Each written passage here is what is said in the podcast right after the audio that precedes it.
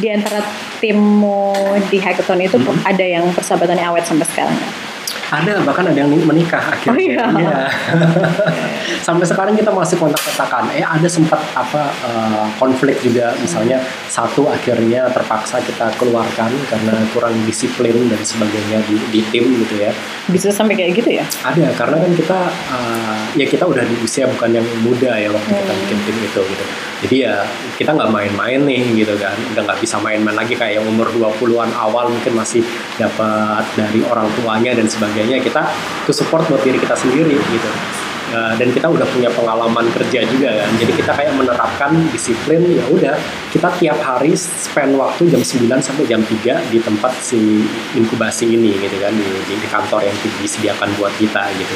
Nah kebetulan dia nggak disiplin gitu nggak nggak pernah datang. eh, ya kita bebas sih sebenarnya cuman at least show up gitu kan do your do your thing gitu kan. Hmm. Tapi eh, kebetulan orang ini apa eh, jarang kelihatan dan sebagainya akhirnya kita ya ngobrol lah baik-baik dan sebagainya dan ternyata memang mungkin kurang uh, sevisi dan sebagainya akhirnya kita ya udah kalau misalnya ini kita mungkin uh, nggak bisa bareng lagi gitu ya Ruang inkubasinya ini bentuknya kayak co-working space kah? Atau kantornya kementerian, ruangannya dipinjemin Eh, atau kayak waktu itu kita hotel dapat atau?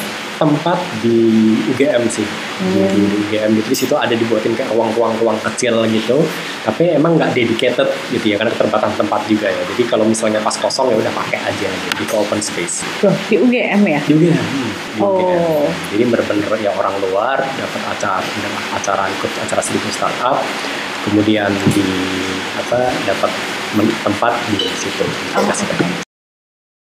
Tapi aku ingat keynote speakersnya selalu ini ya bagus-bagus kalau pas Iya, inisiasi bagus-bagus, iya. programnya. Ignition bagus banget ya.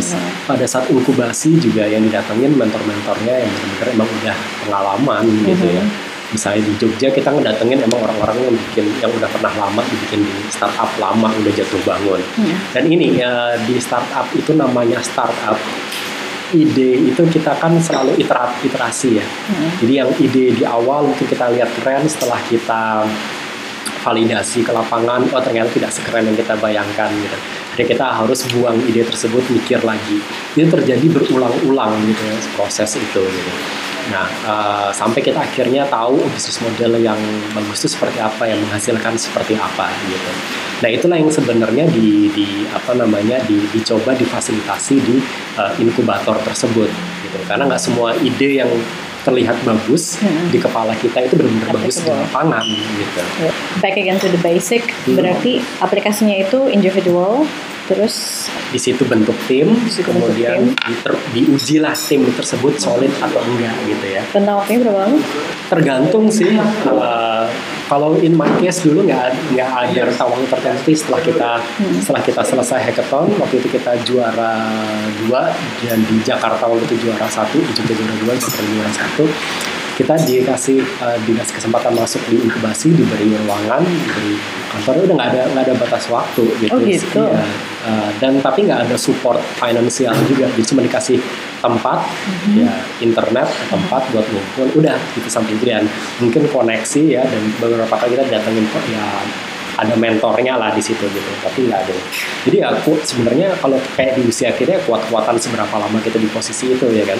Kalau misalnya ternyata tiga bulan kita nggak menghasilkan sesuatu dan kita uangnya habis di situ ya udah mungkin harus rasional kan?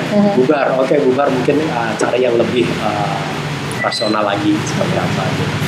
Tapi kalau misalnya ternyata menghasilkan gitu kan uh, ada yang menjanjikan lah ini prospeknya bagus ke depan mungkin tetap akan kondisi. Sampai kita proving bisnis modelnya bagus kita nanti masuk tahap yang namanya akselerasi. Di situ kita sebelum masuk akselerasi itu minimal harus punya satu investor sih. Walaupun mungkin angel investor sebenarnya minimal ada yang menjamin biaya operasional kita. Jadi di, di asisten, eh, maksudnya Ada, di di asistensi juga sama Hmm. pihak kementerian Jadi, atau enggak? Oh, enggak, Lepas. mungkin enggak langsung dari pihak kementerian, jadi dari pi- pihak penyelenggara si seribu startupnya ini. Jadi selama fase inkubasi kan mereka juga menilai ya mana tim yang punya progres yang bagus, mana yang enggak gitu. Nah, biasanya yang progres mereka akan mereview secara berkala, mungkin tiap 2-3 bulan sekali atau mungkin tiap bulan sekali gitu ya. Mana yang bagus kemudian di- dipanggil secara uh, terpisah gitu. Mungkin tiba-tiba kita di dikontak lewat email atau lewat uh, WhatsApp gitu ya. Uh, eh bisa ketemuan nggak gitu kan di situ kita diajak ngobrol uh, kita ingin nemuin kamu sama seseorang yang mungkin interest dengan yang kamu lakukan gitu. Sejauh ini dirimu ber- udah pernah ketemu sama investor berapa kali?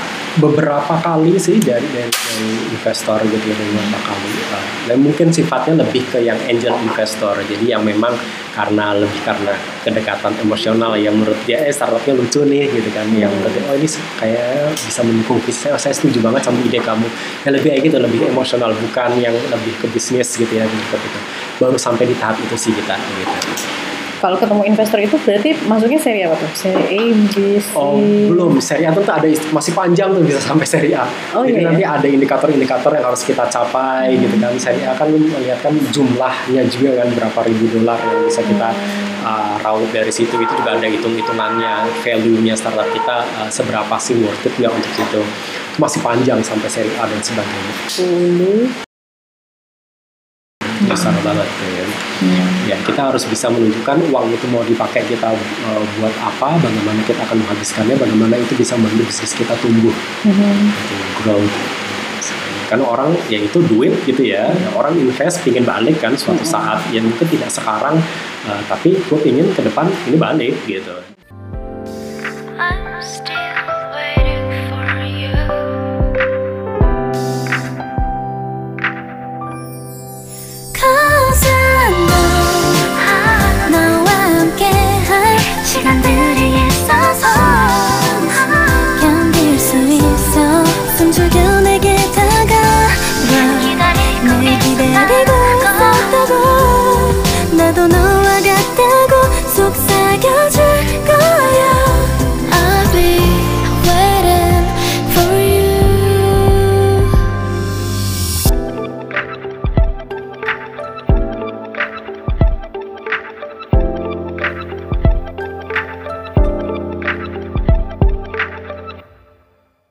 Budi sendiri, is it worth your time and money? um, menurut saya itu pengalaman yang uh, sangat berharga sih. Ya saya dulu kan kuliah uh, S1, S2, S3 aku pernah sempat punya cita-cita pingin jadi pingin buka usaha gitu ya. Hmm. pingin starting something gitu ya dan tapi nggak tahu caranya karena background keluarga saya kebanyakan guru gitu kan jadi ya kalau guru kan main aman udahlah kamu kerja uh, masuk aja udah selesai gitu loh terima gaji gitu ya nggak nggak pernah starting up something Nah, itu salah satu pengalaman berharga yang mengubah mindset gitu loh. Oh ternyata bikin usaha tuh kayak gini nih gitu kan.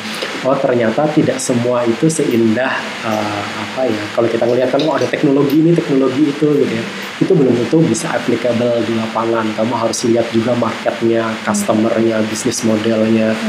Jadi teknologi itu hanya one part of the business gitu kan kita harus melihat secara keseluruhannya termasuk dari segi hukumnya gimana pembagian sharing um, modal tadi kemudian saham dan sebagainya. Banyak banget yang apa uh, membuka mata lah di momen itu. Bahwa starting business itu kayak gini. Tim lain yang Budi tahu um, Hmm. ada di sama-sama di hackathon ada ada berapa? Apakah banyak juga yang kemudian menemukan investornya? lumayan sih. Jadi kayak di tempat atau kayak diundang di Kick Andy? Kadang kan ada tuh di Kick Andy. Oh iya, ada beberapa. Ya tim saya yang sempat diundang kick MD eh bukan tim saya eh, teman gitu ya ya. Yang beda beda bed sih tapi kayaknya ya. Yang dia sampai diundang ke kick MD karena dia membantu uh, apa uh, dunia industri perikanan gitu ya dia mel- melakukan investasi di sana mengumpulkan dana crowdfunding kemudian invest di perikanan dan sebagainya gitu. dari Sempat- crowdfunding crowdfunding jadi dia bantu di sisi pemodalannya gitu Hmm. di sisi pemodalan untuk di perikanan itu sempat dipanggil lagi kan juga gitu. ada yang sempat um, sempat diundang sampai Google internasional gitu jadi ke ke Amerika sana karena dia mencoba mengatasi tentang uh, membuat solusi tentang peer support untuk um, uh, apa namanya istilahnya penyakit yang kritis. Peer sport what is that? Uh, jadi gini, ketika kita punya sakit, uh, sakit kita parah, misalnya difonis kanker, difonis apa gitu ya penyakit yang mungkin kita harus yaitu stay with kita untuk really long time, gitu kan. Uh, kita sebenarnya butuh kayak peer support, gitu kan. Kalau kita cerita ke orang lain kan belum tentu dia ngerti ya tentang apa yang kita rasakan, gitu ya. Akhirnya dia membuat kayak semacam forum yang di situ uh, berbicara orang-orang yang punya penyakit yang sama. Itu saling berbagi. ah oke oke oke. saling menghubungkan saling menghubungkan di situ bisa, bisa juga ada orang si si care apa uh, caregivernya ya. Orang yang pernah mungkin membersamai orang punya penyakit yang sama dan sebagainya sebagainya. seriously? Iya. aku tuh pernah kepikiran loh. Uh, mamaku kan AZ kan Iya. Alzheimer. terus um, it was very very hard. Gitu karena dia uh, apa itu penyakit degeneratif kan. Jadi makin lama. Ya dia uh, mulai nggak ingat konsep waktu mulai nggak ingat orang-orang terdekat di sekitar dia yang bahkan caregiver dia pun dia nggak ingat satu persatu tapi kalau aku sih dia selalu ingat. Sama kode dia selalu ingat.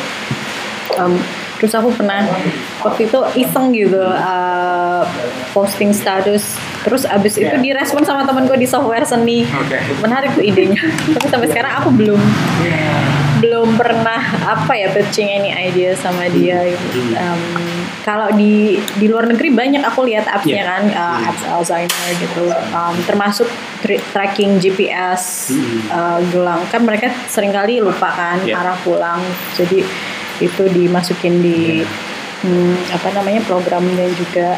Di Indonesia masih belum ada yang Ya, salah satunya kendalanya adalah uh, membuat bisnis modelnya yang susah. hmm, Itu solving a problem, yes, it's good. How to make a money out of it, um, it's not that easy. making money from sick people it, it Nah, sounds right? siapa yang nggak nggak mungkin kita jadi gini kalau di konsepku uh, bagus banget yang disampaikan oleh film startup gitu. Salah satunya adalah membedakan antara customer dan user. Dua itu dua uh, hal yang berbeda dua stakeholder yang berbeda. Ketika kita membuat suatu produk suatu solusi uh, kita akan membuat untuk si problem owner gitu yang akan nanti menggunakan uh, solusi kita. Tetapi si owner uh, si usernya tadi itu belum tentu orang yang akan membayar ke kita. Ya kan? bisa jadi kita mendapatkan uangnya dari orang lain. Yes ya kan? Contoh misalnya kayak kita uh, di Facebook lah. Apa kita membayar ke Facebook? No. Enggak kan? It depends if we Yeah. put in ads. Ya, nah jadi usernya itu adalah orang, gitu kan? Uh, kita di sini ya orang-orang umum yang menggunakan Facebook, tapi customernya orang yang bayar Facebook bukan kita, orang-orang yang ingin mengiklankan sesuatu lewat Facebook. Jadi se- ya orang yang membayar dan orang yang menggunakan bisa jadi dua orang yang berbeda. Bisa jadi orang yang sama sih orang itu. ah iya iya iya got it Itu yang dijelaskan waktu mereka bikin si Nunzil itu kan. Kamu mau dapat duit dari mana gitu kan? Gak mungkin dong kamu narik dari si emak-emak yang udah nggak nggak bisa lihat gitu kan atau dari keluarganya. Mereka udah susah gitu. Tapi akan ada orang yang tertarik untuk, untuk perusahaan asuransi misalnya Iya. ya kan. Asuransi kesehatan. ah, yeah, money is endless Ya dan sebagainya. Mereka pasti akan tertarik untuk uh, invest di situ.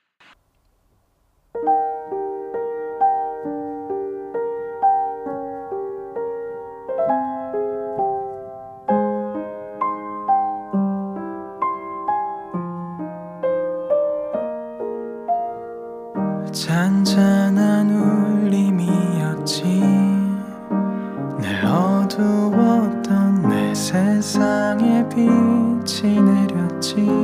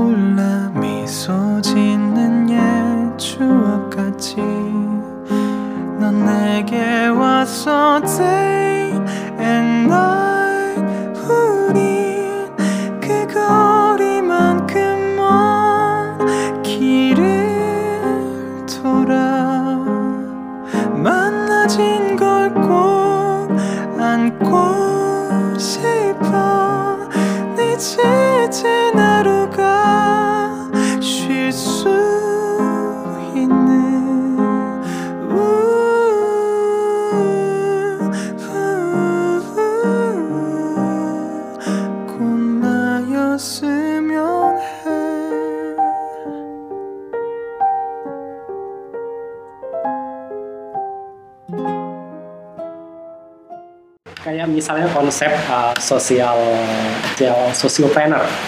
Sosiopreneur itu bukan berarti kita melakukan suatu usaha dengan cuma-cuma gitu. Tapi ya namanya sosiopreneur itu ya namanya entrepreneur tuh kamu harus bikin usaha, kamu harus bikin uh, bikin sesuatu yang bisa menghasilkan satu balik lagi bukan berarti kamu bikin buat cuma-cuma ya. jadi kamu harus tahu cash flow-nya bakal dari mana walaupun itu sesuatu secara kamu udah ny- nyinggung itu uh, mau nggak mau aku harus ini nih harus menyampaikan apa ya opini yang cukup harsh dari anak-anak leftist biasanya. Ya. Biasanya anak-anak uh, ya anak-anak fisik lah gitu. Mikirnya um, kalau aku sendiri sih ya aku merasa uh, apa namanya technological breakthrough dan inovasi yang ada sekarang startup kayak gitu-gitu itu membantu dan sekaligus mengekspos si kerentanan juga menambah level apa ya kerentanan pekerja atau prekariat tingkat tingkat prekariat uh, kerja dan sebenarnya sistem yang lebih eksploitatif karena gimana? Ah, transportasi online. Mereka kan menggunakan uh, moda milik ya kan Orang milik, lain. milik orang lain tanpa harus membayar tanpa ada jaminan uh, kecelakaan. Oke, ini sering, sering banget Tanpa- dibahas- sama orang-orang Marxis kayaknya, Iya. dan sebagainya.